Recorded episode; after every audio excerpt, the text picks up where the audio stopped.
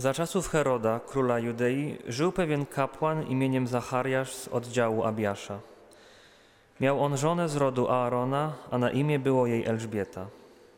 Oboje byli sprawiedliwi wobec Boga i postępowali nienagannie według wszystkich przykazań i przepisów pańskich.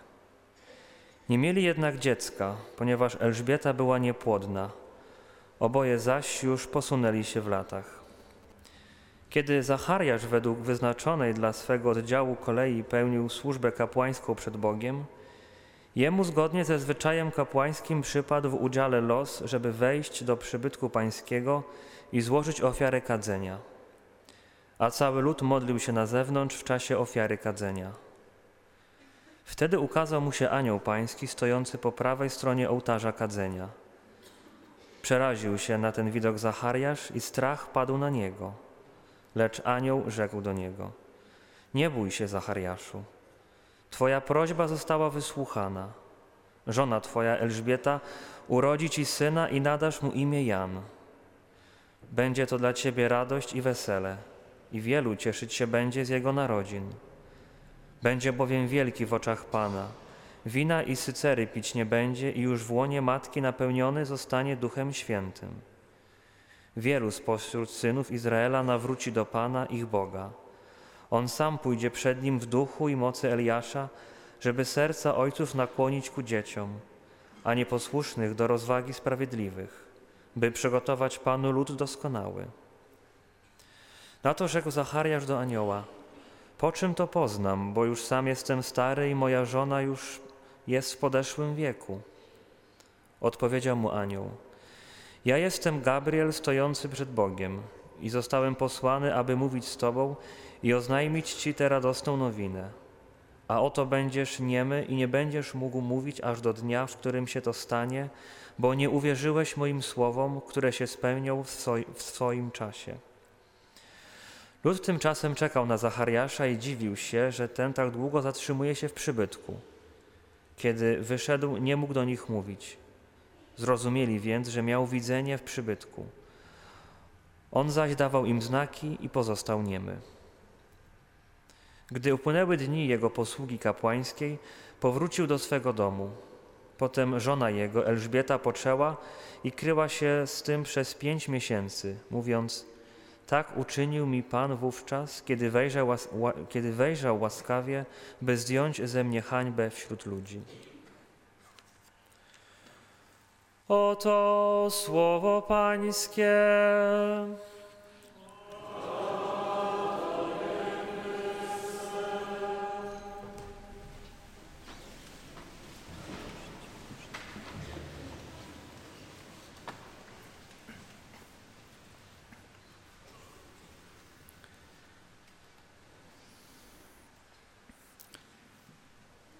W tej dzisiejszej Ewangelii i w ogóle w całej tej historii y, Zachariasza jest y, bardzo dużo takich y, interesujących wątków, ale też, żeby nie mówić zbyt długo, chciałbym, żebyśmy spojrzeli na tę historię z jednej tylko perspektywy,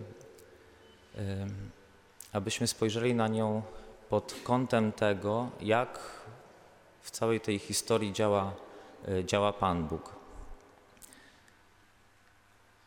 Mamy Elżbietę e, i Zachariasza. I od początku już ewangelista nam na samym początku mówi tak, żebyśmy nie mieli żadnych wątpliwości, że to byli ludzie przed Bogiem sprawiedliwi e, i też żyjący, żyjący nienagannie. Ale właśnie w życiu takich ludzi, sprawiedliwych, żyjących nienagannie e, jest dotkliwy brak, jest jakieś cierpienie, nie mają dziecka. I potem, kiedy, kiedy Zachariasz pełni już służbę w świątyni pańskiej, kiedy ukazuje mu się ten anioł, on oczywiście wpada w przerażenie, e, jak to często bywało podczas takich, podczas takich spotkań, więc anioł zaczyna E, zaczyna rozmowę właśnie słowami nie bój się.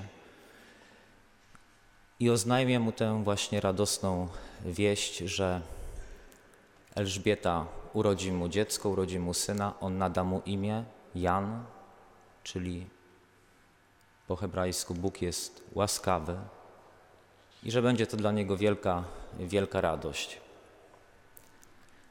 I ten człowiek, który y, jest pobożny, sprawiedliwy przed Bogiem, żyjący nienagannie, y, jemu w tym momencie zaczyna brakować wiary.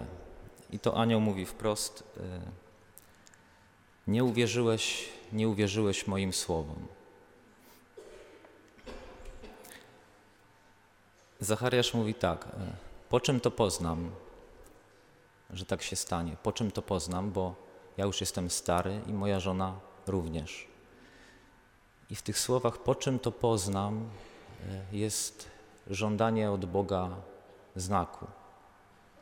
I tak bywało w Starym Testamencie, że żądano znaku od Boga. Abraham żądał znaku od Boga. Czy rzeczywiście ta ziemia e, będzie należała do niego? Właśnie dokładnie w takich samych słowach. Gedeon żądał znaku.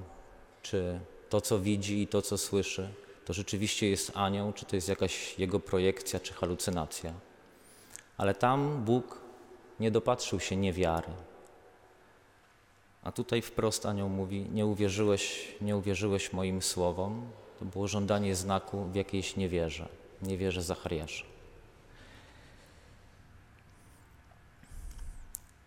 Kiedy on mówi, że ja jestem stary i że moja żona również, on pokazuje aniołowi swoją słabość, swoją niemoc, która ma się sprzeciwić Bożym, e, Bożym planom.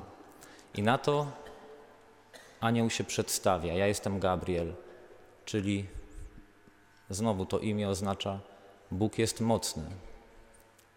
Ty jesteś słaby, ale Bóg jest mocny. I Zachariasz otrzymuje ten znak. Znakiem jest to, że on e, traci mowę, że nie będzie mówił aż do tego dnia, kiedy się, kiedy się dziecko narodzi. I ten znak, ten znak najwyraźniej się mu bardzo nie spodobał, bo kiedy kończy się służba w świątyni, on czym prędzej wraca do domu. Raz, dwa, Elżbieta zachodzi w ciążę, jeszcze tylko dziewięć miesięcy i on odzyska mowę. I o tym usłyszymy za, za kilka dni w Ewangelii. Rodzi się dziecko, rodzi się Jan. On bierze tabliczkę i pisze imię Jan, Johanan. Wtedy rozwiązuje się mu język i zaczyna mówić. I co się wydarza w tej historii?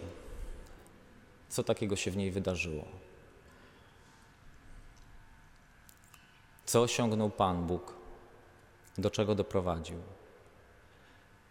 Po pierwsze, Pan Bóg wypełnił swój plan. Narodził się Jan Chrzciciel, prorok, którego zapowiadały pisma i który miał poprzedzić przyjście Chrystusa. Po drugie, Pan Bóg wynagrodził Elżbiecie i Zachariaszowi ich prawe, pobożne życie.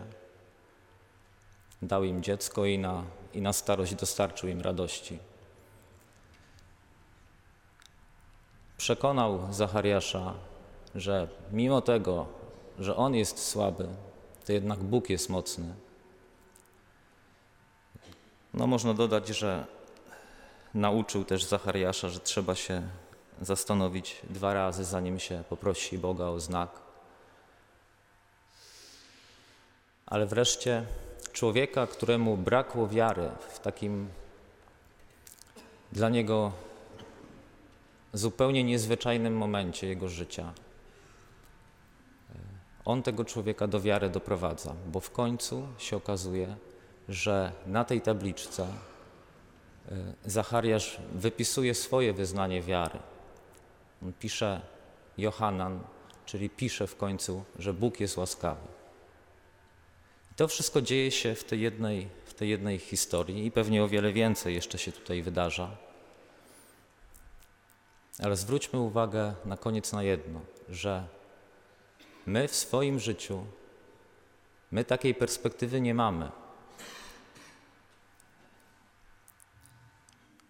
My nie mamy takiego oglądu rzeczywistości i tego, co się w naszym życiu wydarza. że my jesteśmy w środku historii zawsze. My jesteśmy w centrum wydarzeń. My jesteśmy Zachariaszami. I dlatego tak bardzo ważne jest, żeby Bogu zawsze ufać. Tak bardzo ważne jest, żeby wierzyć, że to jest Bóg, który jest mocny pomimo naszych słabości, naszej niemocy i że to jest Bóg, który jest łaskawy.